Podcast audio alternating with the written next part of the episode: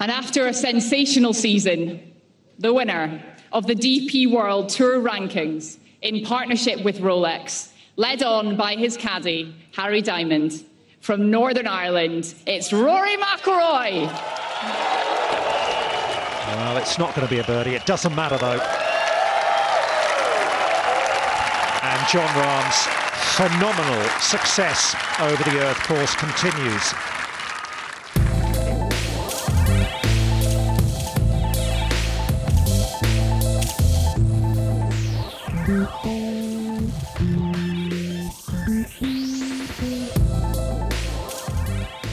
Rory McIlroy mag dat wel een historische kans om die Open te winnen laten liggen hebben. En daar ben ik eigenlijk nog altijd niet zo goed van. Maar met de vierde plaats op de DP World Tour Championship vandaag wint hij voor de vierde keer de Race to Dubai.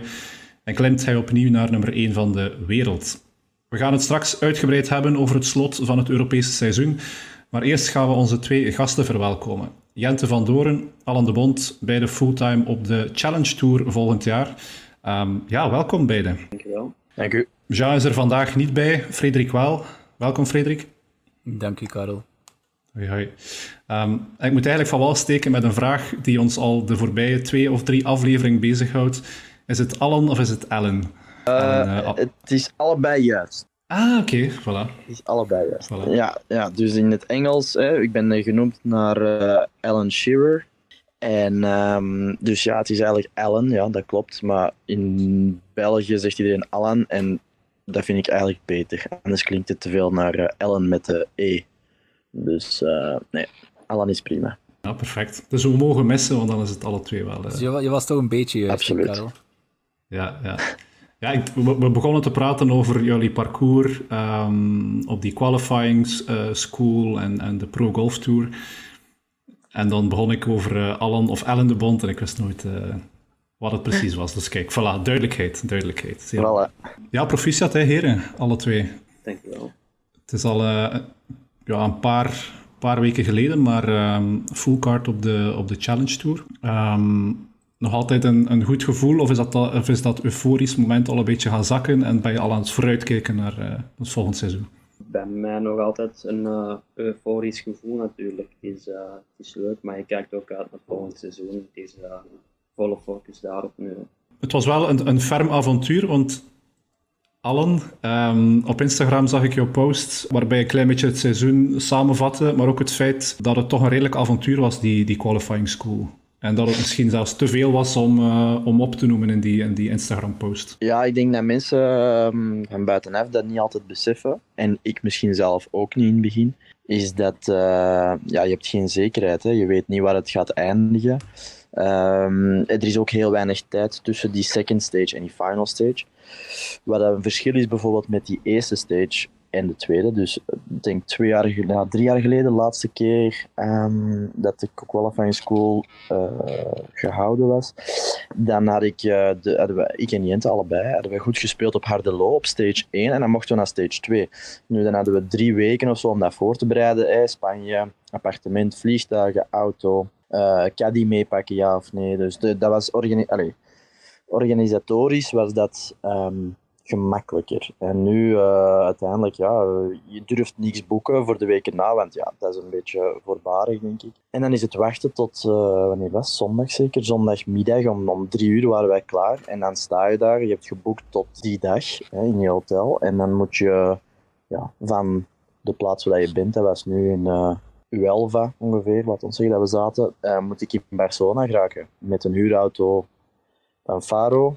Um, en moet je vluchten zoeken of ga je rijden. Uh, ja, het was, het was gewoon het was heel hectisch en, en heel kostelijk. Dat ga ik eerlijk toegeven. Het was om even van de ene kant van Spanje naar de andere kant te geraken. Ja, dat, ja, was niet zo gemakkelijk als op voorhand gedacht. Dat is inderdaad, uh, je haalt daar een onderwerp aan, kostelijk. En dat is misschien al een klein beetje vooruitspringen naar een vraag die we, die we voorbereid hadden.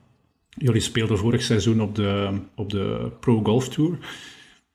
Ja, hoe prijzig is zo'n seizoen? Uh, is dat iets dat, dat in die end uh, opbrengt voor jullie? Ik denk dat de Pro Golf Tour hangt heel hard af van uh, de sponsoring dat je zelf hebt. Mm -hmm. Als je zelf al je kosten kunt, uh, kunt dekken door middel van je sponsoring en echt je prijzengeld overhoudt, dan denk ik dat nu dit jaar dat, dat best goed meeviel. Dan maak je wel wat winst. Maar dan moet je natuurlijk wel top 5, top 6 eindigen voor echt uh, eigenlijk iets te verdienen. Uh, ik denk dat volgend jaar ook uh, zijn de kosten wel iets hoger. maar dan is het ook wel gemakkelijker om eens iets meer geld te verdienen dan bij ons op de, op de Pro Golf Tour. Daar was het echt top 7 spelen of je raakte niet uit de kosten die week. Dus dat was wel lastig. Mhm. Ja, want ik zag Allen dat jij rond de 15.000 verdient, allee, uh, earnings uh, verdiend had en, en Jente jij rond de 12.000. Maar misschien wel handig voor de mensen thuis om, om misschien eerst eens die Pro Golf Tour te kaderen, want iedereen kent natuurlijk de PGA Tour, European Tour, velen ook de Challenge Tour, maar waar bevindt dan de Pro Golf Tour zich ongeveer? Uh, de Pro Golf Tour is een, um, een satelliettour. Uh, en in Europa heb je vier satelliettours. Dat is de Nordic League, uh, die bevindt zich in Zweden en Denemarken. Uh, dan de Alps Tour, dat is eerder Spanje, Italië, Frankrijk. Dan heb je de Euro Pro Tour, dat is in Engeland, Schotland, Ierland. En dan de Pro Golf Tour is eigenlijk een Duitse tour, die vaak in Duitsland, Tsjechië, Polen, Oostenrijk speelt. En Nederland. Ja, Nederland. Dus, dus voor ons was dat de tour die het gemakkelijkst bereikbaar was, ook vaak met de auto. Waardoor dat onze kosten deze jaar, we hebben, ik heb heel het jaar met Gente uh, gereisd. En dat viel, zolang als wij in Europa waren, viel dat echt goed mee. Dat moet ik eerlijk toegeven. Dan, dan als wij, wij speelden ook heel goed dit jaar. Jullie hebben even in Egypte gezeten, toch ook? Hè? Ja, ja, dat is het enigste. Dus in het begin van het jaar speel je vijf weken in Egypte. Mm -hmm. En ja, die vijf weken, um, de helft niet, maar dat kost, uh, dat is een, een, een goeie oh, ja, 25% van je seizoen ineens qua kosten, die kosten zijn gigantisch hoog uh, in Egypte. Uh, maar daarna valt het op zich mee. En al die, dus alle satelliettoeren die je net ja, beschreef, via die tours kan je telkens aanspraak maken tot de Challenge Tour. Ja, ja dat, was ik, dat was ik vergeten. Je kan dus als je top 5 bent in die tours, allemaal, dus alle vier, top 5, heeft een, heeft een Challenge Tour kaart voor het jaar daarna super straf, want ik zag, ik geloof dat er 135 of 140 deelnemers waren aan de, de Pro Golf Tour en jullie allen, jij derde, jij, jij vijfde. Ay, dat is geen, uh, ik dat we hier in West-Vlaanderen geen kattenpis om dat uh, te halen. Dus ja, dikke chapeau. Hè. Ja, nee, ik denk dat het uh, een heel lastig seizoen was. Het was veel vechten. Allen was ook iets zekerder op bepaalde momenten. Ehm, zeker in het begin en dan op het einde toen na toch een paar goede finishes was het dan uh, toch redelijk zeker. Bij mij was het iets anders. Direct twee wedstrijden moeten missen en uh, eigenlijk al op achterstand gekomen. Maar dan toch doorheen het midden van het jaar in een mooie positie gezeten, waardoor jij dan wel echt aanspraak maakt op die top 5. Maar het is, uh, het is een heel lang seizoen geweest voor, voor ons beiden. Ik was ook heel blij dat het even gedaan was uh, in voorbereiding op de qualifying school dat je ook wel even een week vrij af kon nemen en zeggen even de clubs aan de kant en uh, daarna beginnen we terug. Vooruitkijkend naar volgend jaar, de Challenge Tour. Hoe hard keken jullie uit naar die Challenge Tour? Um, heel hard, denk ik. Um, maar het is, voor mij is het nog zo'n beetje ver weg. Uh, ik denk dat we pas gaan beginnen in februari. En het lijkt nog zo heel... Allez, is, uh, ik zou liever hebben dat het morgen begint, maar uh, we moeten nog even wachten. Dus, maar ik kijk er heel erg naar uit, absoluut. Voor we starten, of voor we enkele vragen van onze luisteraars aan jullie voorschotelen, misschien nog eventjes terugkeren naar die Q-School. Je zei het daarnet ook al, Ellen, dat waren niet de kleinste profielen die daar aan de start kwamen. Nee, het was... Um, ik, ik, we hebben zelf eens geteld uh, misschien kunnen jullie dat ook nog eens doen. Misschien ben ik fout, maar denk het niet. Maar er waren 40 plus uh, eh, DP World Tour of uh, European Tour overwinningen aanwezig met Alvaro Quiros, Fernandez Castaño, David Howell, David Horsey. Um, ik mis er waarschijnlijk nog ah, Marcel Siem, heb ik die al gezegd? Ja, zwart. In ieder geval, er waren er, er waren er genoeg. En dat was leuk. Dat was heel cool om te zien. Um, maar ook heel uh, chockerend niet. Maar dan zie je toch bijvoorbeeld hè, gasten zoals Marcel Siem of David Howell, zeven keer gewonnen of, vijf, of zes keer gewonnen, Ryder Cup speler geweest. Ja, op een gegeven moment um, ja, vallen die ook uit de boot, zal ik maar zeggen. Of eh, moeten die terugkeren naar John Cusco. Uh, Renato Paratore, toch een vriend van mij die, die twee keer heeft gewonnen. Uh, nog de, de grote hype was volgens mij twee jaar geleden, mm -hmm. twee of drie jaar geleden. En, uh, en nu terugstaat op een Cusco uh, op de rand van zijn kaart te verliezen. Dan, dat is eigenlijk um, dan word je heel nederig, denk ik. dan besef je van, oh, je kan niet even gas terugnemen, toch niet ik of Jente denk ik ook, wij zijn geen absolute wereldtalenten. Ja, wij allebei beseffen, wij moeten heel hard werken. Um, dus dat, dat wordt ook key op het moment dat je dan toch misschien op die DP World Tour je kaart haalt. Uh, om te beseffen van, oh, maar het kan snel gedaan zijn. Hè?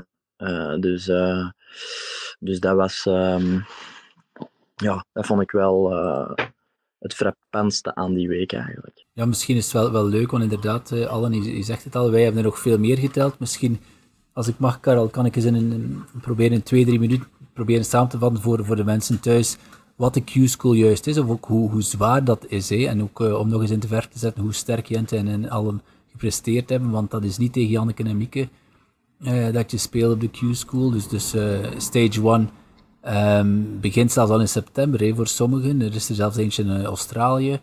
Um, en er zijn er, ik geloof, drie of vier spelers van de, de 28 die een full card gewonnen hebben, die eigenlijk alle drie stages overleefd hebben. Uh, dus in totaal 14 rondjes stressgolf. En jij sprak van 14, maar zelfs uh, allen, van alle spelers die geen kaart gehaald hebben, zijn er 80 wins op de, op de European Tour slash DP World Tour. En ik ga heel snel door, door een aantal grote namen. Ook een paar facts. Dus gemiddelde leeftijd van de winnaars is 30 jaar. De jongste is 20, de Japaner Hitsasune. En de oudste is 42. Je zei het zelf al, de bekende Marcel Siem. Um, dus ja, een beetje ervaring nodig, maar toch ook uh, voldoende stamina. En de 28 winnaars die een kaart hebben, die hebben, uh, die hebben 15 wins samen op de European Tour. En dan grote namen, je zei zelf al Renato Paratori, was ik ook enorm van verrast. Uh, dan is uh, Castagno 7 wins, Alvaro Kires 7 wins, Dyson 6, Howell 5, Bourdi 4, Avray 3 wins, dan Chris Wood 3 wins, die eigenlijk tot voor kort nog Ryder Cup speelde, Canizares 2, Uh, Gallagher 2, Broberg 2, JB Hansen ook eruit, 2 wins. Paratori zoals je zei, 2. Pavant, 2 wins. Lucas Bjerregaard, 2 wins. Paul Dunn, was ik ook heel erg van verrast. Die is ook enorm teruggevallen. Uh, tot voor kort ook een enorm uh, talent. En dan nog Tom Lewis, Aguilar, Fischer, Paisley, McGowan, McAvoy. Allemaal één win, geen kaart. Hè. Dan is de vraag zelfs, gaan we die jongens zien op de Challenge Tour? Of hoeveel van hen haken af van een Marcel Siem super knap dat hij zo hard teruggevochten heeft eigenlijk. En dan, uh, want Challenge ook geen top 25 gehaald en dan toch nog Q-School, maar bon, altijd blijven vechten.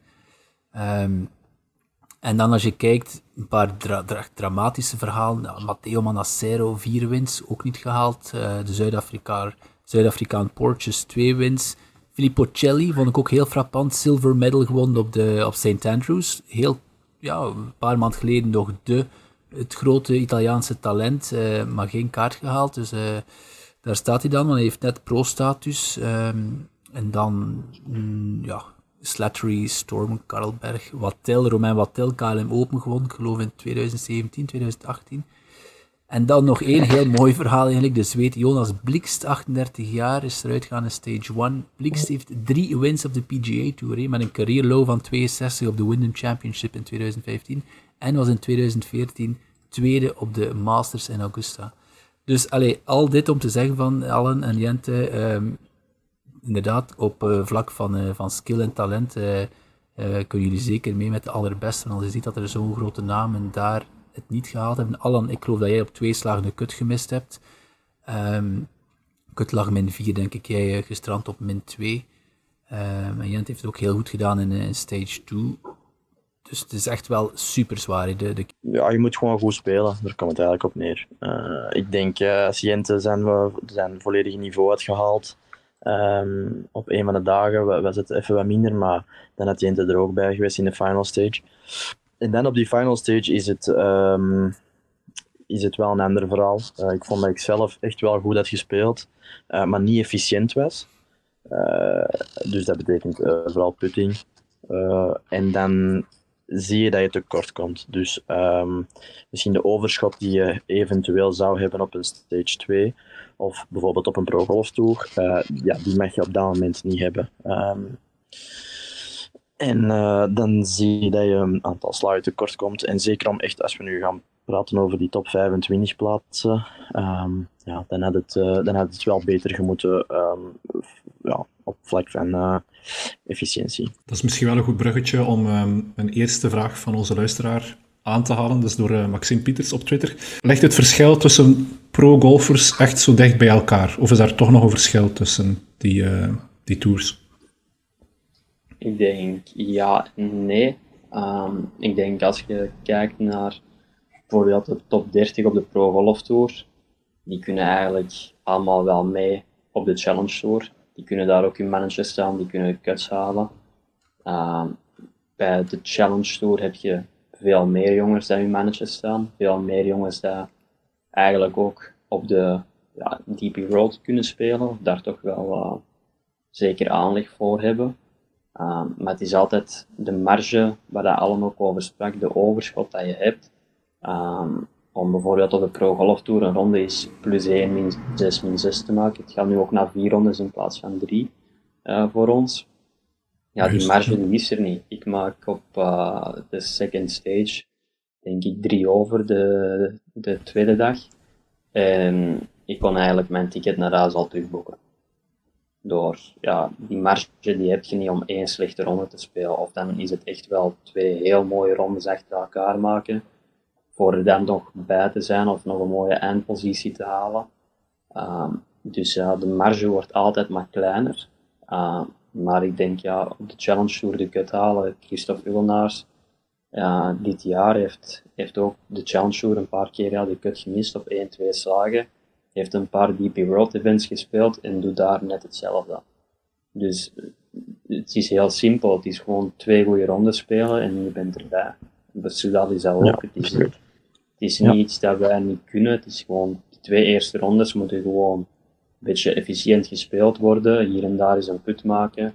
1, 2 onder maken, twee dagen achter elkaar en je bent er eigenlijk sowieso altijd bij. Mm. Tenzij dat In golf hebben ze daar een schoon woord voor, denk ik, wat Jente nu beschrijft, en dat is momentum. Als je een beetje momentum kan halen die eerste twee dagen, dan, dan denk ik dat, dat die cut, zowel op DB World Tour als op een uh, Challenge Tour, dat die, dat die mogelijk is. Maar je mag niet achter de feiten aan, toch niet op, op mijn niveau, allee, hoe dat ik speel, als ik het gevoel heb van, oh, ik ben hier kans na kans na kans aan het missen, ja, en gebeurt er een foutje en, en ja, je marge wordt heel klein. Ineens dan zit je echt te vechten tegen die cut.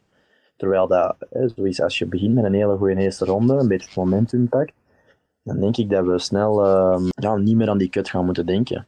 Dat is, dat is misschien wel het doel. Ook weer een perfect bruggetje naar de volgende vraag. Um, dat is door Lara Meijers op Instagram. De mentale aanpak bij wedstrijden. Wat is daar het uh, allerbelangrijkste? Eh, ik denk gewoon dat je er zelf in moet geloven. Ik denk dat wij dit jaar op de Pro Golf Tour ook uh, Allen heeft de eerste wedstrijd gewonnen, waar dat natuurlijk bij iedereen die dat dicht bij Allen staat, van de golfers daar, wel het gevoel geeft van ja, als hij kan winnen, waarom zou ik dat niet kunnen? Uh, maar daarvoor heeft niemand van de vriendengroep ooit gewonnen. Dus is dat moeilijk om te geloven dat, dat je het zelf ook kan. Um, en ik denk dat dat heel belangrijk is. Op, op elk niveau is het gewoon echt geloven van ik ben goed genoeg en ik kan winnen, ik kan mee met die gasten. Um, en dat is heel, heel belangrijk naar jezelf toe om toch heel veel vertrouwen op te bouwen.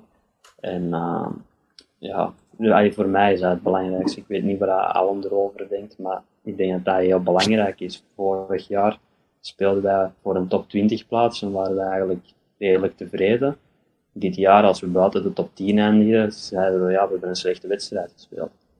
Dus dat is eigenlijk het verschil van erin geloven dat je kan winnen en meedoen om te winnen, dan een beetje ja, achter de feiten aan te lopen en te zeggen, ja, top 20 is niet slecht, maar eigenlijk goed was het ook niet. Ja, ik denk daar, ik denk daar wel hetzelfde over. Je moet het zelf geloven. Uh, maar dat is altijd gemakkelijker, denk ik, gezegd dan gedaan.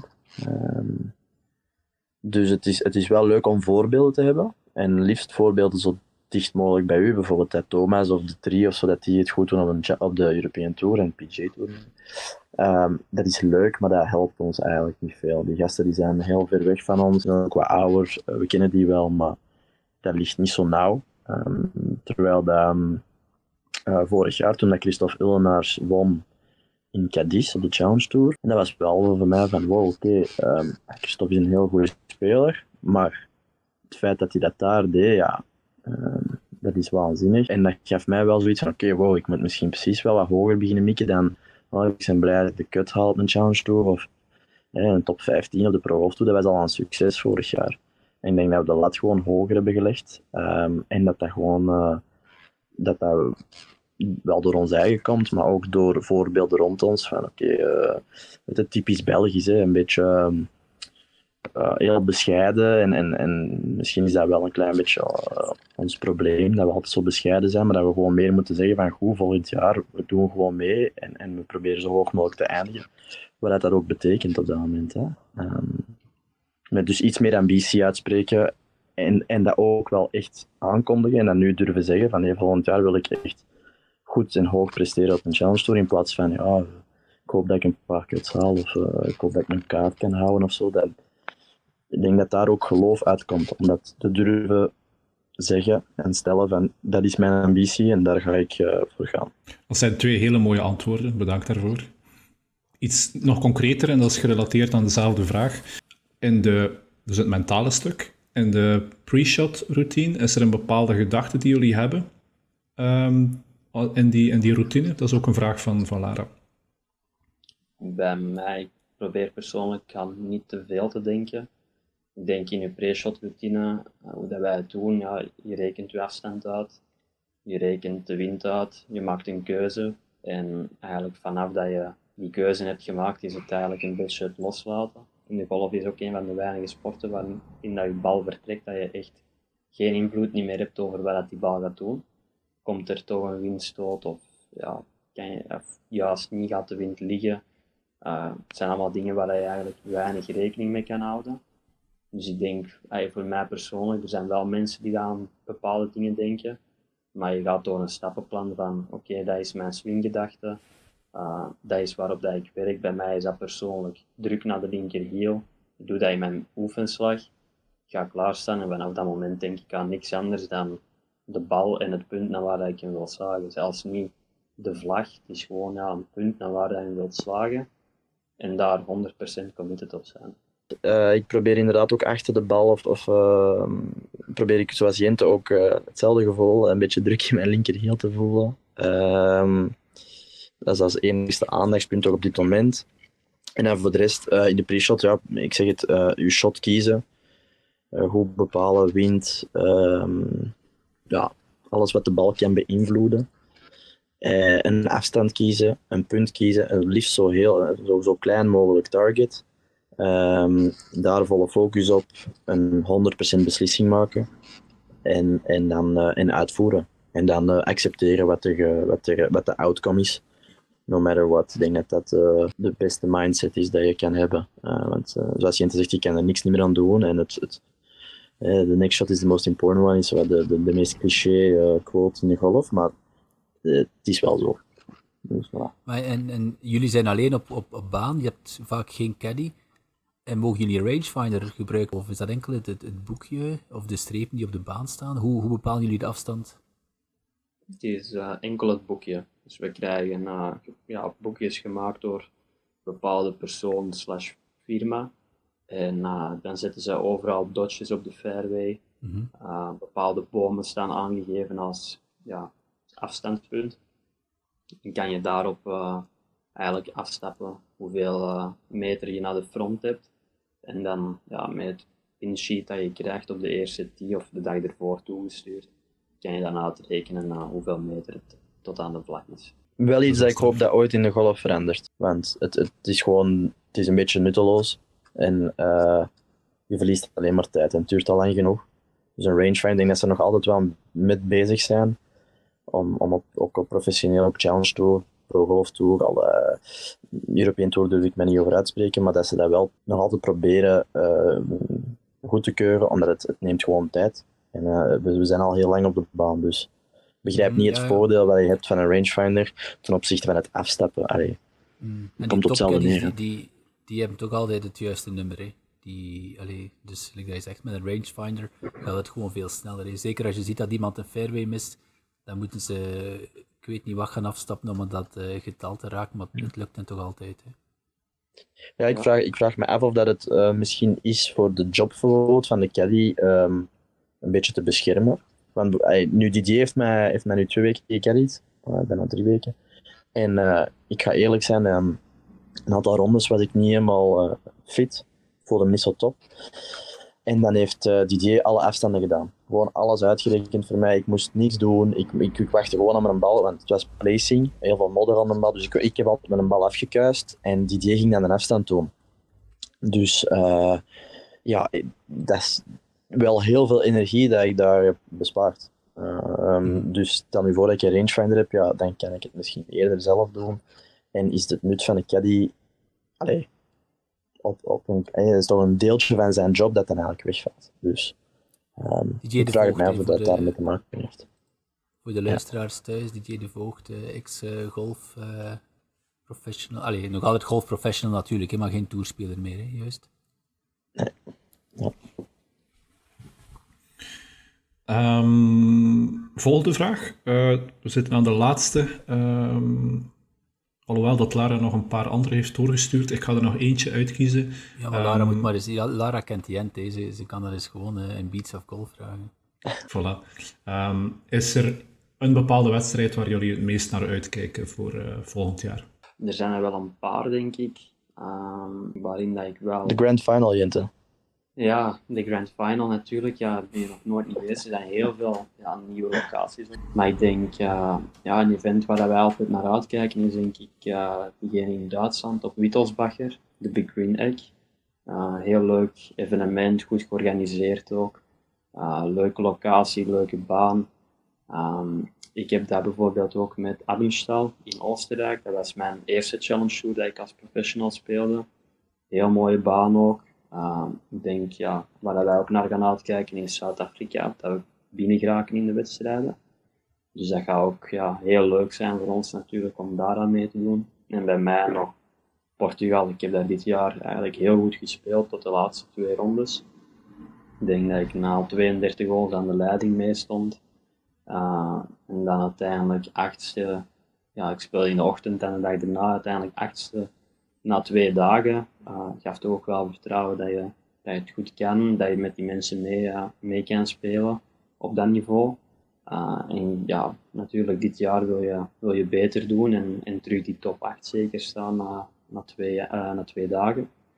Dus er zijn denk ik wel een aantal events waar we naar, naar kunnen uitkijken. Maar de Grand Final zal wel de, ja, de leukste zijn natuurlijk. Ja, denk ik. Ja, allee, moet toch eerlijk zijn, dat, dat zo'n Soudal, dat is dan toch een kans voor ons om ons aan het Belgische publiek uh, te laten zien. Ook voor uw sponsors en zo is dat belangrijk dat je toch die weken aanwezig bent. Dus ik hoop dat het een beetje in de planning past. En dat we een uitnodiging krijgen. Um, maar ik denk na dit seizoen dat we allebei wel hebben getoond dat we dat, we dat verdienen. En um, ja, daar kijk ik toch nog altijd naar uit. Dat is eh, dicht bij huis, een European Tour, de manier dat dat georganiseerd is, dat is, dat is altijd even een moment dat je denkt, ah ja, hiervoor doe ik het. Hiervoor ga ik in de kou staan en ga ik trainen. En eh, dit is ook het niveau dat ik uiteindelijk ambieer. Um, dus ik, ik hoop, uh, ik kijk daar toch altijd naar uit. Onge, uh, ongeacht het, de rest van het seizoen op de Challenge Tour, dat ook uiteraard heel belangrijk is. Um, ja, kijk ik daar toch elk jaar naar uit. En om toch aan te tonen dat het zeer hard leeft uh, op onze podcast, de laatste vraag is van Alexander Houtekiet op Twitter. Is het nu Ellen of Allen? En die werd, uh, die werd al beantwoord. Dus voilà, kijk. Uh, we mogen eigenlijk alle twee zeggen. Dus dat is prima. Allen, Jente, heel erg bedankt om, om langs te komen. Frederik, ik weet niet of dat jij nog een vraag hebt voor de heren. Misschien nog een heel kleine vraag, wat Allen net zei. Daarvoor, daarvoor doen we het, daarvoor staan we in de kou te trainen. Hebben jullie plannen om de koude Belgische natte winter eh, te overbruggen in een, uh, een iets warmer klimaat? Um, ik, ik, denk dat we allebei even gaan wachten uh, op, het, op het schema van een Challenge Tour. En dat we dan even kunnen zien van oké, wanneer is het het juiste moment om terug echt te beginnen, beginnen trainen gaan we altijd doen, maar om, om op een stage te doen of naar het buitenland te gaan. Ik ga sowieso naar Spanje. Um, sinds vorig jaar heb ik daar een klein plaatsje dat ik kan gaan trainen. Dus, en Jenten weet dat hem meer dan welkom is om mee te komen. maar dat gaat afhangen van wanneer dat we gaan beginnen. en wanneer dat we in Zuid-Afrika al dan niet moeten zijn. Dus, maar ik ga sowieso naar Spanje gaan, ja. Bij mij is dat ongeveer hetzelfde antwoord. Uh, een beetje afwachten op het schema over hoe en wat. Zoals we ook al eerder zeiden, ja, het, is, is toch nog ver af. ik denk dat het gepland staat voor februari ongeveer, wanneer dat ze beginnen te starten. dus ja, het is toch nog een aantal maanden.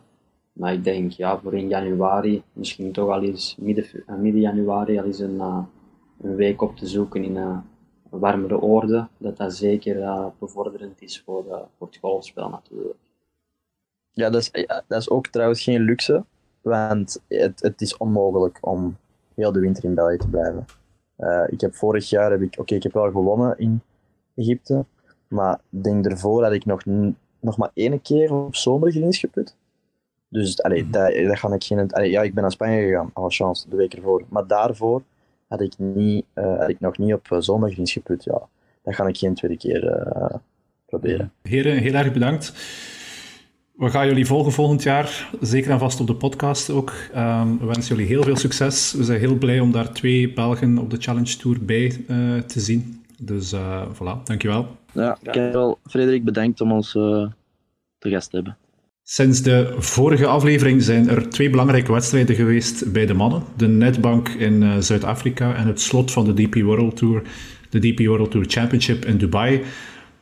Het is misschien niet oninteressant om eens te gaan kijken naar die uh, Netbank in uh, Zuid-Afrika voordat we naar het heetst van de naald in Dubai gaan. Want D3 was daar eigenlijk... Um, het was weer net niet voor D3, maar eigenlijk mag ik het niet zeggen net niet. Want die laatste ronde was zeer slecht. Een 77. Frederik, ja, dat was geen goede ronde voor, voor de drie, die laatste. Um, ja, nee, dat is het minste dat ik kan zeggen. Nee, het was, um, we gaan straks eens een kaart erbij nemen. Het was, het, was, het was pijnlijk om te zien. Ik heb er echt uh, ik heb er hard van afgezien en ik, uh, dat is nog niet vaak, vaak gebeurd. Want ik, ik denk soms, ik ben nu niet echt een voetbalfan. En voetbalsupporters die, die kunnen na de nederlaag van een ploeg in zak en as zitten. En wel, zo voelde ik mij. Plots besefte ik wat sommige voetbalfans uh, elke week doormaken. ik heb echt, echt mee afgezien met die drie. En, en gevloekt en gesakkerd en gedacht... Hoe kan dit, allez, hoe kan dit zo, zo bergaf gaan plots in die, op die laatste dag? Dus het was echt... Het was, het was geen slechte dag, het was een desastreuze dag, ja. Ja, want iedereen zat klaar om die drie uh, naar de overwinning te stuwen. Je had daar drie goede rondjes uh, gespeeld. En natuurlijk zat hij dan ook in die laatste flight, als ik me niet vergis. Mhm. Ehm, dus dan zit iedereen natuurlijk wel te kijken op een goed resultaat uh, van die drie. En net over de helft, denk ik, dan, ja, dan blaast hij zichzelf volledig op. Ja, ja, ja. en zelfs die eerste negen, hè, um, zag je al dat het niet... Ik denk dat hij... Anders moet je zijn kaart al eens opentrekken. Ik denk dat hij begonnen is al redelijk snel. Hè, met Bogey, je, ziet het, de eerste, eerste 9, 37. En ik, ik, ik, allez, Karel, we hebben daar zitten sms'en. Ik heb toen eigenlijk al gezegd, uh, het, zal, het zal niet meer voor die drie zijn. Hij vond me een beetje... Uh, ja, ik, ik, had, ik had zeer goede hoop. Ja, ik had zeer goede hoop, inderdaad. Ja, ja maar hij stond toen, hij stond toen al, denk ik, uh, een slag of vier achter. Um, dus ik wist eigenlijk al na negen holes, dit komt uh, niet goed. En dan was het eigenlijk vooral focussen op uh, top 50 in de DP World Ranking halen, om er zeker deze week bij te zijn. Hè. Juist. Alleen is het dan van, van kwaad naar erger gegaan en is hij ja, echt op een bogey train gestapt op 14, 15, 16, 17. Vier bogies, dus die, die dag heeft hij um, acht bogies gemaakt. Acht bogies hè, voor een, uh, een, allee, ja, een uh, topper. Uh, gelukkig ook nog drie birdies. Maar het was, het was ja, pijnlijk om te zien. De, de, de reden waarom ik zo positief was, is omdat je hij startte niet goed. Hè. Dus hij, had, is gestart met een, met een birdie, maar heeft dan drie bogies gemaakt. Um, had heel veel moeite om echt um, aan te klampen aan, aan de mannen die echt wel een, een goede eerste negen holes speelden. En ik was positief, omdat je altijd, en, je herkent dat ook van jezelf, je hebt altijd een goede negen en een slechte negen. Dus dan dacht ik, hij heeft zijn slechte negen gehad en nu gaan we full force naar die laatste negen. Ehm, ook de andere flights, of de andere flight in feite, want het ging tussen de ene en de andere flight. Die andere flight begon dan plots aan de turn wat te sukkelen. Uh, ja, foute shots te gaan doen, foute keuzes te maken.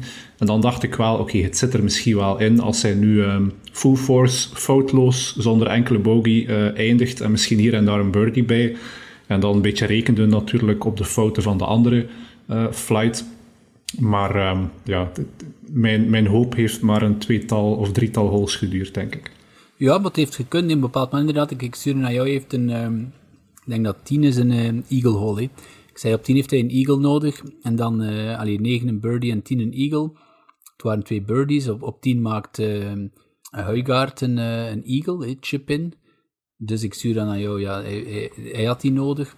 En dan dacht je even van, oké, okay, um, hij, hij, is weer, allez, je zit weer mee bij, bij de top. Ik denk dat hij toen slag of twee achter stond. Ja. Natuurlijk, die, die, die anderen, die, allez, die, die stoppen ook niet met birdies maken. En zeker nog eens, dat, dat is geen birdiebaan. Nee.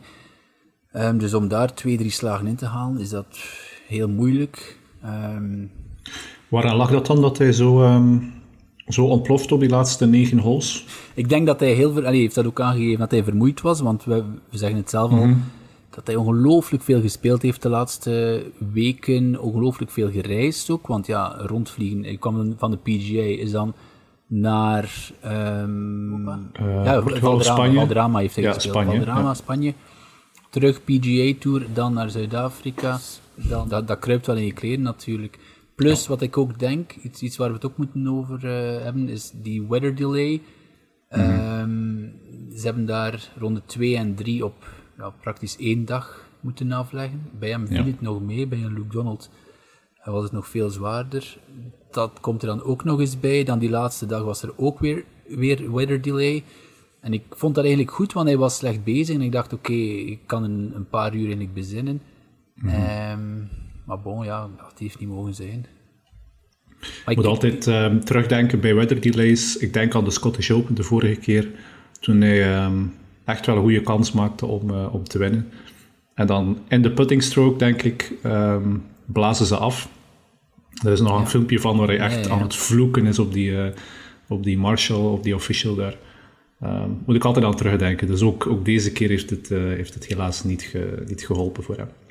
Well, dat is natuurlijk, natuurlijk waar we nu een beetje schrik voor beginnen krijgen. Hè? Want de weinige keren dat hij echt in contention was, dus ook toen in Schotland uh, 54-hole lead, um, nu ook, dan eigenlijk echt in die laatste of voorlaatste flight zitten. En dan, ja, is dat, is dat mentaal? Ik weet het niet, maar, maar dan, dan kan hij het, ja, ik zeg het niet graag, maar dan, tot nu toe heeft hij het nog niet gekund, hè, dan. Want het is wel een groot verschil, vind ik.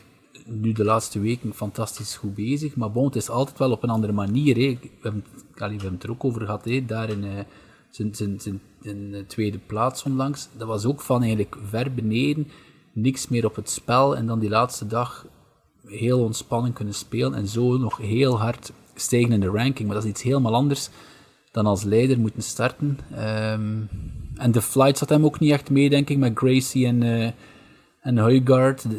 Allemaal speelden, allee, ze speelden alle drie slecht, terwijl dat er dan Just, een heel ja. goede flight, Fleetwood, um, Shubanka Sharma en... Um, was Tommy Fox? daar ook niet bij? Ja, Tommy Fleetwood sowieso, he. en dan uh, ja, Sharma en ja. ik denk Fox zeker ook. Ja. Um, dat, was, dat was een toffe... Ja, ja, Fox zat in de flight met Fleetwood, dat was een... Ja, ja, dat was een goede flight, ja. Dat was een goede flight. Dus ja, misschien speelt dat ook mee. Hè? Ja, dat zal ongetwijfeld uh, meespelen. Ik denk dat je hier en daar wel eens een paar interviews kan, uh, kan opzoeken waar golfers ook wel de, het, het, ja, de, de goede flight aanhalen als reden waarom dat ze, dat ze goed gespeeld hebben die dag. Ryan Fox, tweedes. Tweedes, ja. En ik... Uh... We hebben er straks een speciaal over, maar ik heb echt wel, ik ben een beetje van Ryan Fox gaan uh, houden. Vooral eigenlijk zijn, ronde 2 en ronde 3. Hij heeft daar zo gesukkeld en toch eigenlijk, die mens blijft lachen, blijft grinden om daar toch nog een, een iets wat degelijke score uit te halen. Als je ziet dat hij, hij speelde de eerste ronde van 64, dan de tweede van 74, de derde van 72. Op dat moment zijn de meeste uit uh, de running. Ja. Um, maar natuurlijk uh, zeker niet Ryan Fox, die dan nog tweede eindigt. jammer genoeg met een bogey op de, op de 18. Die laatste. En vooral, welke dag was dat, ronde 2 of 3, heeft hij twee fairways geraakt. En dat was het. um, dat is gewoon, allee, die, slaat, die, die, die slaat lijnen en slaat hem ergens in het water. Dropt, doet dan een of andere fantastische slag uit de ruf, die niemand ziet aankomen op een meter van de vlag. Ik ben vergeten welke hole dat was, maar... En komt dan toch nog weg met paar. Dus die, die is, ziet alle hoeken van de baan en heeft dan toch, toch nog op een of andere manier een paar. Um, ja, maar straks heb je daar nog een, een mooi eerbetoon aan Ryan Fox. Daar gaan we het straks uh, eens naar luisteren. Maar eerst ook, misschien ook wel uh, ja, goed om te vermelden, Tommy Fleetwood, die daar de overwinning pakt na toch een tijdje um, ja, niet oud geweest te zijn, maar toch op een, op een sukkelspoortje uh, terechtgekomen zijn. En die ja, wint in Zuid-Afrika op, op, een, op ook een hele emotionele, emotionele manier achteraf bekeken. Ja, ik denk dat vooral het overlijden van zijn moeder toch nog altijd heel, eh, heel, um, heel, ja, heel vers is, zeg maar. Dus uh, heel mooie overwinning voor hem. Drie jaar niet, niet gewonnen, dacht ik. Um, al speelt hij wel heel degelijk, heel goed. Hij is een van die, die, die spelers op de PGA Tour die al meer dan 10 miljoen dollar verzameld hebben, dacht ik, zonder win. Um, dat is een beetje een illustre lijstje, maar Bonk zou er ook graag uh, tussen staan. um, dus ja, heel content voor Tommy Fleetwood. Hij was daar ook razend populair in, uh, in, uh, in Zuid-Afrika. Ehm, ja, ik, ik denk dat ik enkele Ryder Cup Tommy fanliedjes gehoord heb. Ja, ja, en ook verschillende fans met, met pruiken in de... Ja, klopt, met de blonde pruiken. Juist, met de pruiken in, in, het publiek, ja. Ja. Heeft goed gespeeld, hè? min 2, min 2, min 2 en de laatste ronde min 5 met die eagle op hole 14. Wel, hij heeft heel, heel consistent gespeeld, hé, zoals je ziet. En, en, want op zich was er uh, in het begin niet zoveel sprake van Tommy Fleetwood, maar hij bleef gewoon uh, heel degelijk spelen. En, uh, en Fox die, die had zijn ups en downs. Um, en als we misschien zelfs kijken naar de eerste dag, Luke Donald stond daar in de leiding, geloof ik.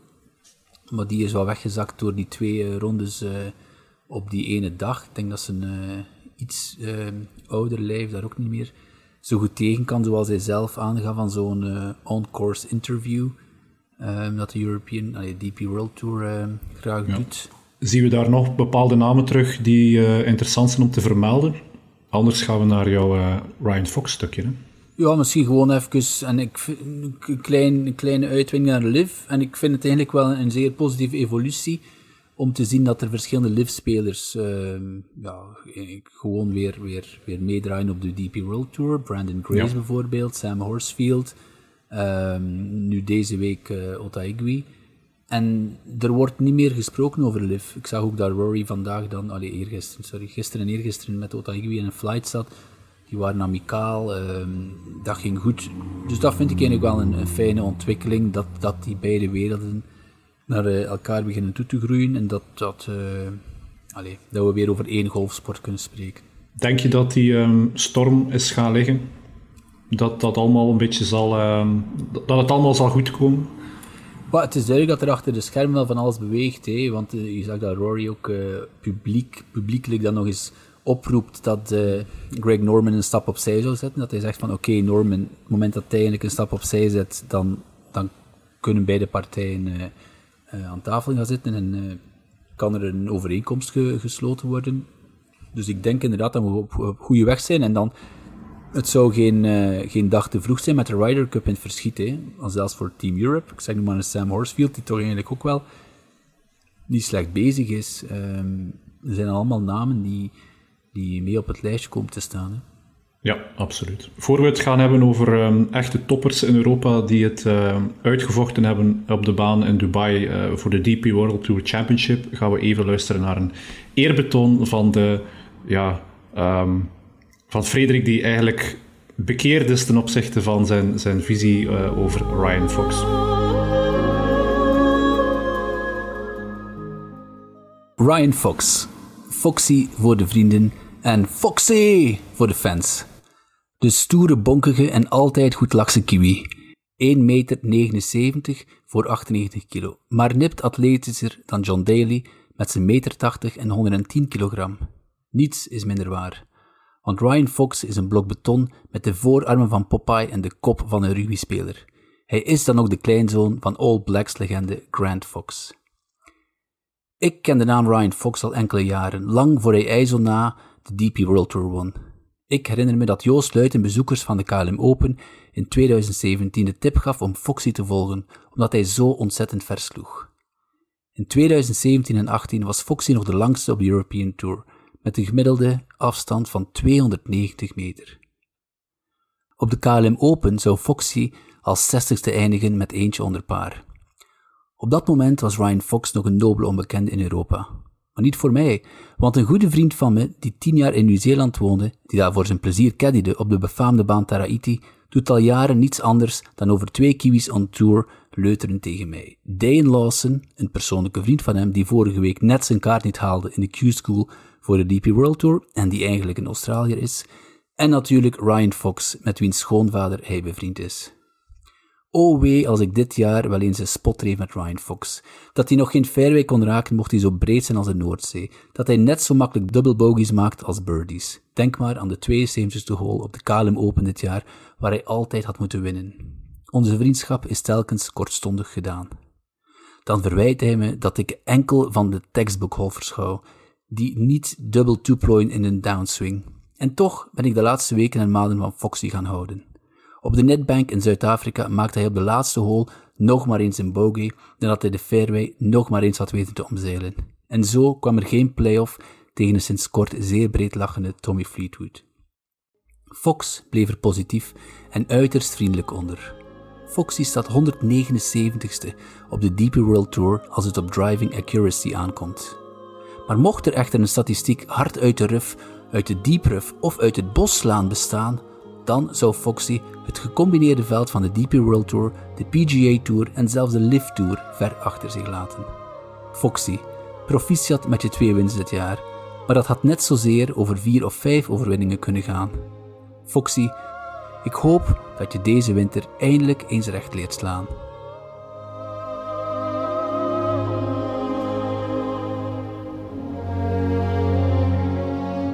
Hoe mooi is dat?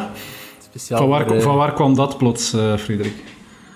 Ja, ja, geen idee. Ik, kijk, ik dacht gewoon, Ryan Fox, die doet die mensen al, al maandenlang zoveel oneer aan. De, dus Geert Keihard, een, een goede vriend van ons, eh, die, eh, die klaagt aan steen en been. En ik dacht, eh, eigenlijk is dat toch wel een fantastische golfer.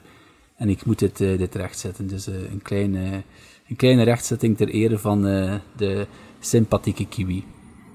Dus de volgende stap is dan een fanclub, Ryan Fox fanclub? Ja, nee, dat gaat te ver. hè. En, en als ik ooit een eh, fanclub, eh, of we een fanclub oprichten, zal het toch voor eh, bijvoorbeeld Allen de Bond zijn of Jente van Doorn van golfers iets dichter bij huis. Of een John Rahm. Ja, die wint voor de derde keer de DP World Tour Championship. Klopt, het was, ja, het stond bijna in de sterren geschreven. Hè. Er was niks aan te doen. Enorm consistent. Eigenlijk ja, als, zoals dat we hem kennen, als een blok beton. Er was niets op, eh, op aan te merken deze week. Nee, het was echt. En, ik zat er ook te denken, het is eigenlijk gek, ik zat te denken, ik ging naar de 18e hole vandaag. En ik dacht, allee, 18e hole, 72e hole moeten we zeggen. ehm, bijzonder moeilijk. En ik dacht voor raam, koud kunstje. En toch slaat hij daar praktisch, allee, bijna een bal eh, OB. Ehm, ligt dan toch nog in het spel. En eigenlijk lag je daar heel, heel goed. Ehm, neemt er wel een enorm risico, vond ik, om die bal dan over die Ja. creek te willen spelen. Ik dacht, man, je, hebt, je staat twee shots eh, voor, chip out, ehm, en dan kan je nog in drie naar de green, hè, want ja, een chip out voor hem is ook makkelijk 100 meter. Ehm, nee, maar hij speelde, hij speelde en, en zijn putter was ook weer eh, super hot vandaag. Terwijl Tyrrell Hatton, waar ik toch ook heel veel sympathie voor heb, zijn putter niet echt hot was. Hij putte goed, maar als wielen niet. Ik heb hem drie birdie put snips zien missen. Als die wel vallen, dan eh, is dat een ander verhaal. Hè. Ja, vooral gisteren dan eh, de boot gemist. Tyrrell Hatton, 72. Denk een van de mindere rondes van de leaders eh, gisteren. En het was wel heel leuk om volgen. De, de audio, hij was terug enorm hard aan het voeteren. Zelfs de commentatoren waren ja, eigenlijk not abused. Die zeiden van, oké, ik denk dat hij nu elk excuus van in zijn boekje gebruikt heeft ehm, om ja, te kunnen verantwoorden waarom hij niet goed speelde gisteren. Maar voor de kijker was het wel, was het wel leuk om te horen en te zien. Ja, ja, voor Tyrrell zal, zal het geen leuke dag geweest zijn, laat dat duidelijk zijn. Nee, maar het is vreemd, want, want wil je zijn kaarten zo opzetten, want het is vreemd. Ja. Ik, ik was aan, aan het kijken op dat moment. En er was weer zo'n on-course interview. En ik vind het altijd een beetje vreemd, eerlijk gezegd. En hij was op dat moment supergoed bezig. Het was ehm, op het einde van de, van de, de front nine, geloof ik. Kijk, je ziet drie birdies eh, op zak. Ze waren wat grapjes aan het maken, omdat Fitzgerald zoveel verder slaat. Tyrrell had een sms'je gestuurd de dag ervoor naar Fitzgerald om te vragen wil je mij niet te hard vernederen met je drives. dus de sfeer was los, amicaal. En ehm, volgens de, de interviewer was het eigenlijk al uh, kat en bakkie voor Tyrrell. Maar Tyrrell zei zelf van, uh, still a long way to go. En dan zie je, dan begint hij aan die back nine en uh, vier bogies. En dan op het einde gelukkig nog een birdie. En ja, dat is praktisch game over. Hè, want hij begon vandaag al drie shots back. Op John Rahm wil je natuurlijk geen drie shots nee, nee, absoluut. Staan, ik denk dat het Fitzpatrick was waar hij een berichtje Oei, sorry, stuurde. zei ik iets anders? Fitzgerald. nee, het was inderdaad Fitzpatrick, ja. excuses. Ja, jammer van die, van die uh, ronde gisteren, maar vandaag speelt hij wel uh, min 6. Ja, het is jammer. Allee, ja, ja, het tweede geëindigd, dus het is ook heel mooi, maar bon. Hij heeft ook al vier Rolex wins op zak, dus Raam heeft het ook niet gestolen. Ik vond het ook fijn voor Raam toch ook een, een beetje een emotioneel interview achteraf. Veel kritiek gekregen dat, dat zijn seizoen niet goed genoeg was en zo, maar hij zei het zelf, hij drie wins. Um, Oké, geen major, maar uh, bevestigt wel hoe goed dat hij toch gespeeld heeft. Hè. Ja, die was not amused van uh, de recente interviews. Dus elke journalist ging dan vragen, ja, ben je wel tevreden met je seizoen? Want, zo sterk was het dan niet. Um, dan gaf je wel... Uh, ja, toch een beetje een tegenantwoord. Ook met het feit dat hij um, voor de tweede keer uh, papa geworden is. Dat dat zeker niet evident is. Dat hij toch, wat is het, twee overwinningen of zo het voorbije jaar um, bij elkaar gespeeld heeft. Dus dat is, uh, dat is zeker geen slecht seizoen. Maar natuurlijk van een, van een raam verwacht iedereen zeer veel. Ja, maar dan zie je wel, hij is inderdaad niet zo sterk aan... Niet zo sterk. Niet zoals we van hem gewend zijn aan het seizoen begonnen, zeg het zo. Maar als je dan ziet dat iemand die, als een John Rahm, als hem zelfs niet 100% of, of 110% is als anders, dat hij toch uh, zo hoog scoort en, en uh, in, in, aan alle, alle, rankings aan de, aan de, aan de top meedraait, dan is, het, allee, dan is alleen, ik spreek dan nog meer voor zijn talenten, voor zijn kunnen, um, dan van een ander. Absoluut. Um, wie zien we daar op een gedeelde plaats met uh, Tyrrell staan? Alex Noren. Ook heel mooi, hè, dat die terugkomt. Super mooi, ja. Ja, ja, ja. En, zijn naam is al een paar keer gevallen, ook in onze podcast, dat hij toch ja. uh, op koude voeten, hij is vooral op PGA Tour te vinden ook, dat hij daar ook al de laatste maanden, zou ik zelfs zeggen, vaak uh, goed scoort. Uh, geen wins, maar hij doet wel al even weer mee. Dus dat is ook naar de Ryder Cup toe iemand, zeker als hij speelt zoals vandaag. Ja, absoluut. Ik denk onze ja, top 10 met al de gedeelde plaatsen. Dat zal waarschijnlijk ons Ryder Cup team zijn. John Rahm, hela, Hatton, Karel. Alex Noren, niet? Ja, maar Thomas Pieters en uh, D3 staan er niet bij. Hè? Ja, ja. we, gingen het niet, we gingen het niet over Thomas Pieters hebben, dacht ik, uh, vandaag.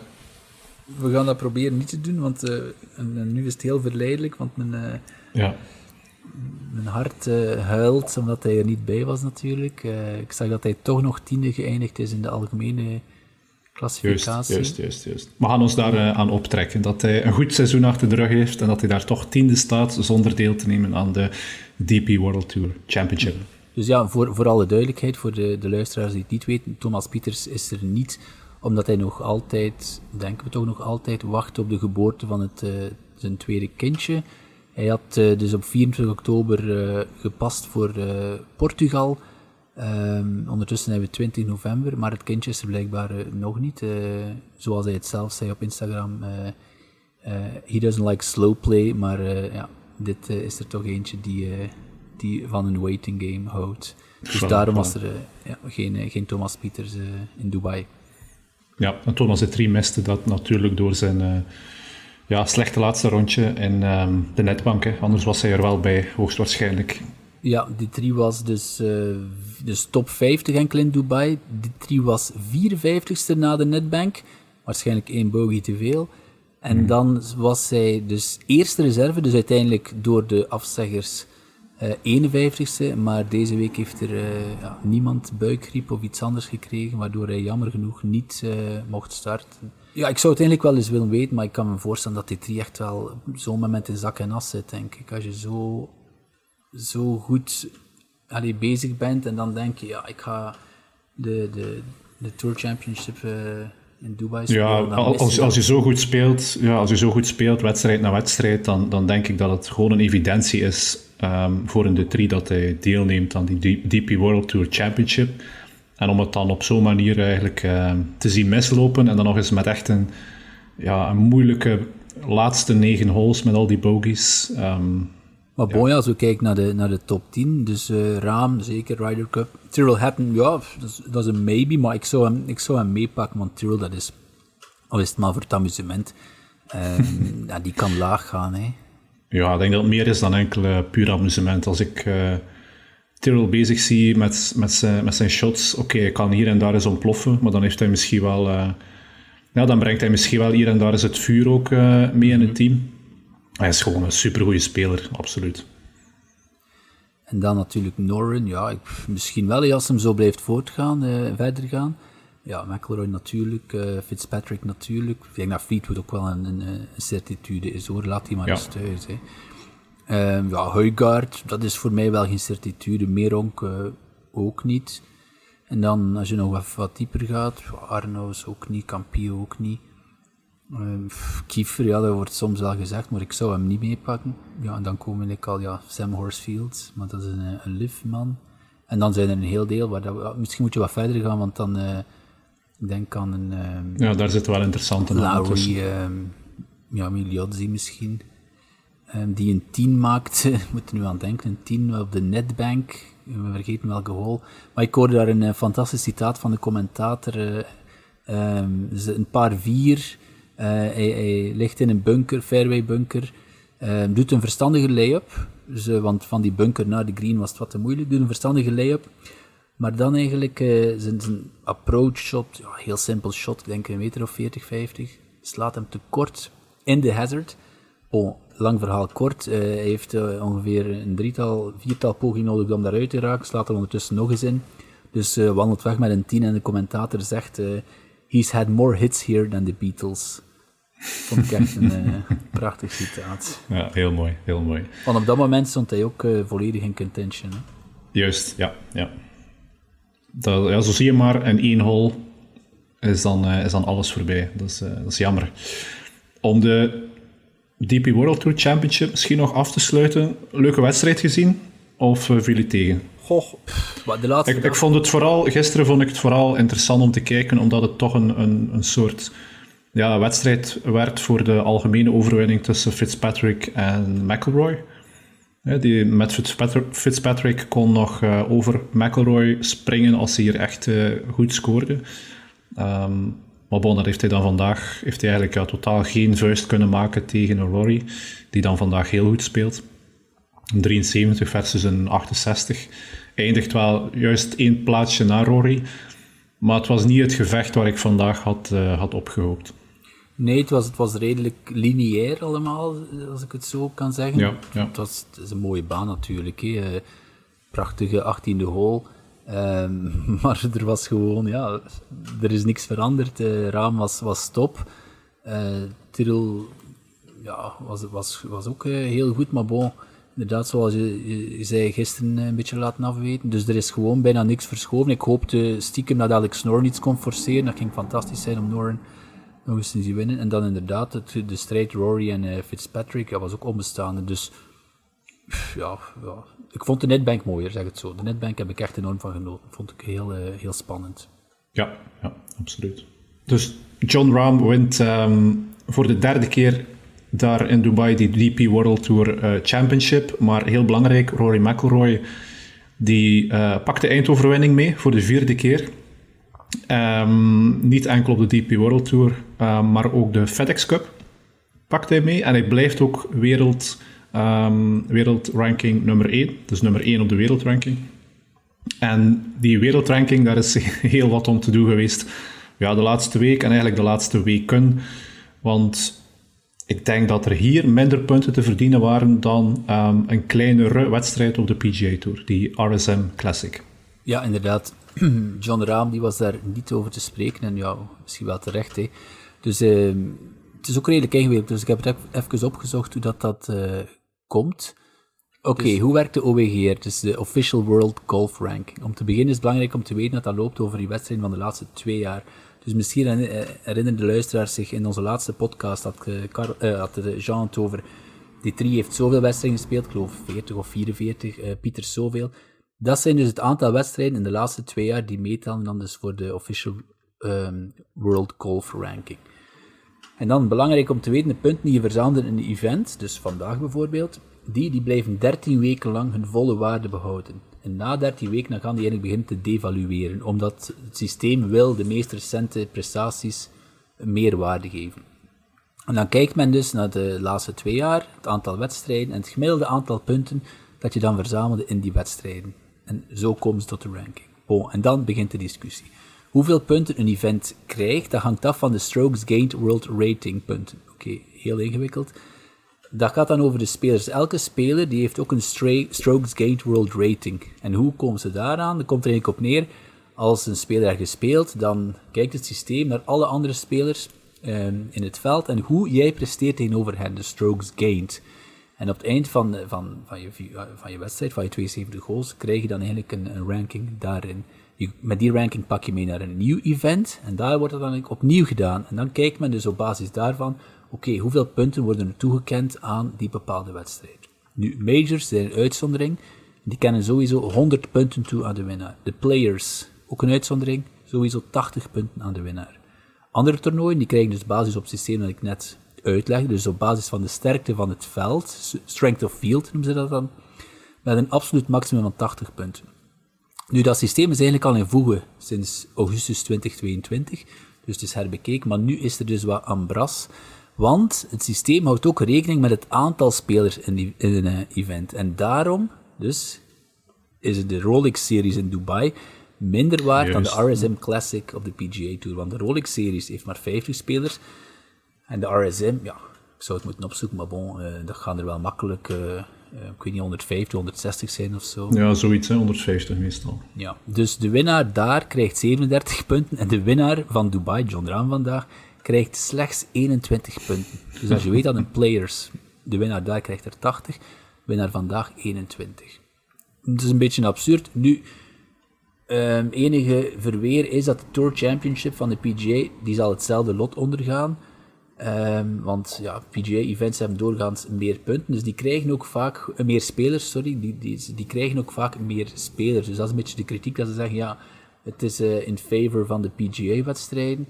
Um, en hoewel dat er vandaag, geloof zeven van de top 25 spelers aanwezig waren in Dubai, en eigenlijk geen enkele top 20 speler in, uh, in de, de RSM Classic, is dat toch een, een wedstrijd die meer punten waard is. Dus ik, wat dat, ik een beetje ambetant vind eraan, aan dat systeem, dat het nog moeilijker wordt voor eigenlijk jonge spelers, die willen eigenlijk uh, hogerop raken, en dat de toegang tot die, die, die grotere uh, tours nog moeilijker wordt. Want als je kijkt voor het Alan, uh, de Bon staat vandaag 100, 899ste op de World Ranking, Jente staat uh, 1020ste. Maar de events die zij spelen zijn ook veel minder punten waard, omdat de strength of field minder is. Um, dus allee, het, het, het, is een, uh, wel een beetje een, een uh, zelf in stand houdend systeem voor de, de, voor de grote tours en zeker voor de PGA Tour. Dus ze hebben gelijk dat er gezaagd wordt. Ja, ik vind van wel. Ik hoop dat je het een beetje begreep, want het is, het is heel ingewikkeld. Hè? Om, ja, ik denk niet dat ik het volledig begrijp, maar ik heb er wel uit begrepen dat het uh, heel belangrijk is hoeveel spelers er deelnemen aan een mm -hmm. event. Um, ook welke spelers er deelnemen aan een event? Ja, zeker.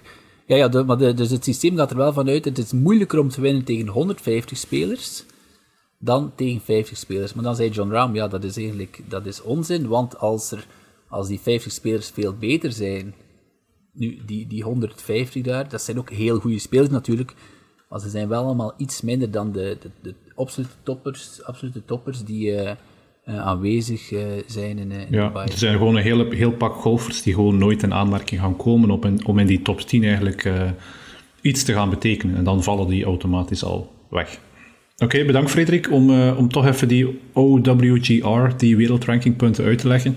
Um, en we zien wel hoe het gaat uh, evolueren. Graag gedaan, ja. Ik hoop dat het uh, correct was en anders mogen luisteraars zeker verbeteringen doorsturen en dan zetten we dat volgende keer recht. Om af te sluiten hebben we nog drie nieuwsberichten uitgepikt uit het nieuws de voorbije weken. Um, daar zitten twee items tussen voor het vrouwengolf. Heel leuk nieuws voor het vrouwengolf. En daar zit eentje bij die um, ja, toch weer gelinkt is aan Liv. We hadden het op de vorige aflevering van de Golfcultuur podcast over het feit dat uh, Thomas Pieters ook weer gelinkt zou worden aan een overstap naar Liv. En Greg Norman wou daar um, ja, een zevental extra grote namen aan toevoegen voor het volgende seizoen. Dus daar behoorde Pieters tussen, maar ook bijvoorbeeld een Xander Schauffele. Maar Frederik, daar heeft uh, Xander zelf een, uh, ja, een antwoord uh, geboden op die geruchten. Ja, inderdaad.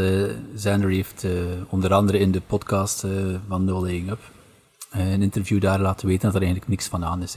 Dat hij zelf verrast was. Ik kreeg berichtjes van vrienden die zeiden van oei, wat gebeurt er? Of sommige vrienden die al zeiden van uh, hoe, hoe, hoe, dat komt dat hij, dat hij dat niet eerst verteld had. En natuurlijk, als we aan uh, Zander denken, dan denken we aan Patrick Cantley. Um, dus dan heeft hij ook al allee, te kennen gegeven dat dat van allebei eigenlijk geen waar is.